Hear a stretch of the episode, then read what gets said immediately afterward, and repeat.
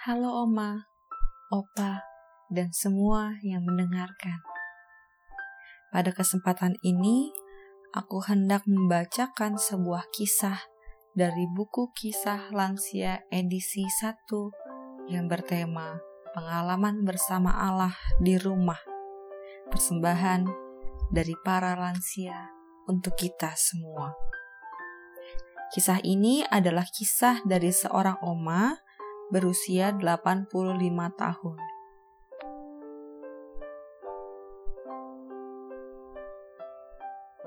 Mau nulis apa lagi ya untuk gini? Rasanya semua nggak ada yang indah, nggak ada yang menarik, menjemukan. Hati ini penuh dengan gejolak. Soalnya aku lagi dipingit, alias lagi ngungsi yang tidak direncanakan. Ya, di rumahku air lagi diperbaiki.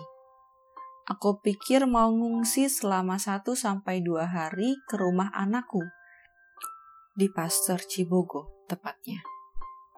Aku juga heran, nggak nyangka virus corona yang di Cina begitu banyak makan korban sudah masuk dan merambat ke Indonesia. Begitu dahsyat dan cepatnya menyerang Indonesia. Mula-mula di Jakarta, lalu merembet ke Bogor. Waduh, keluarga mulai siap siaga nggak pergi-pergi keluar rumah. Tidak lama kemudian, ada himbauan dari pemerintah untuk tidak berkerumun di mana pun. Dan kita harus stay at home. Aduh, gimana nih? Aku harus kembali ke rumah. Masalah air di rumah sudah beres. Namun, anak-anakku melarang aku kembali ke rumah. Aku agak kesel. Soalnya aku hanya bawa sedikit baju. Obat-obatan juga nggak lengkap. Pokoknya banyak deh yang kurang. Sedih hati. Gak nyaman aku jalani. Nikmati situasi di rumah anakku dengan tawakal dan prihatin karena aku merasa kurang betah.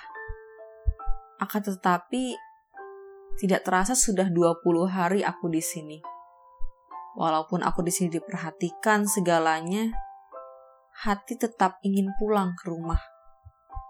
Di sini rutinitas kerjaku, bangun pagi, sarapan, berjemur, mandi, baca renungan, kongko, lihat-lihat ke dapur.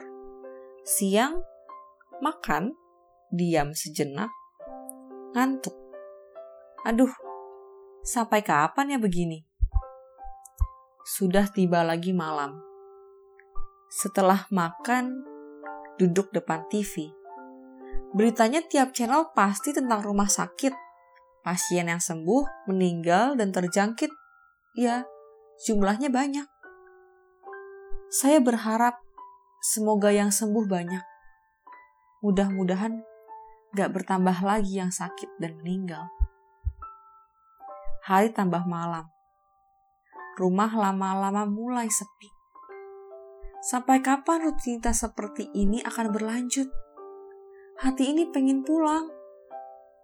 Ya, gak bisa terucap di mulut. Hanya tersimpan dalam hati. Hanya doa saja yang bisa saya panjatkan Mohon Tuhan Yesus yang berkuasa atas virus corona agar mengakhiri ini. Tolonglah kami umatmu di dunia ini yang sedang terjangkit wabah. Tolong lindungi keluargaku ya Tuhan. Ampuni dosa kesalahan umatmu serta keluarga kami. Dalam nama Allah Bapa, Putra, dan Roh Kudus. Amin. Itulah cerpenku hingga saat ini. Renungan harian dari gerejaku sudah kudengarkan.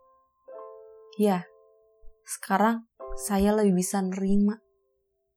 Gak bisa tawar-menawar, ya harus sabar. Terima apa adanya. Setelah berdoa, saya lebih tenang. Juga karena saya punya keluarga besar. Oma ini menjadi inspirasi bagi kita untuk tetap jujur pada segala perasaan yang ada, sekalipun perasaan negatif. Jujur pada perasaan sendiri bukanlah hal yang mudah dilakukan karena akan menyakitkan.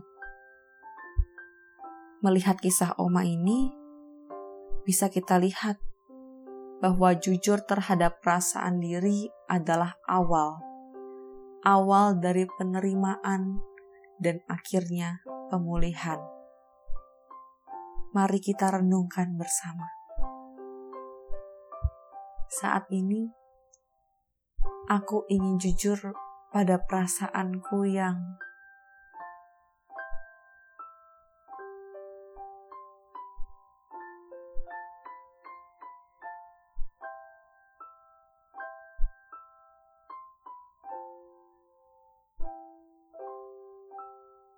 Dan inilah doaku, ya Tuhan.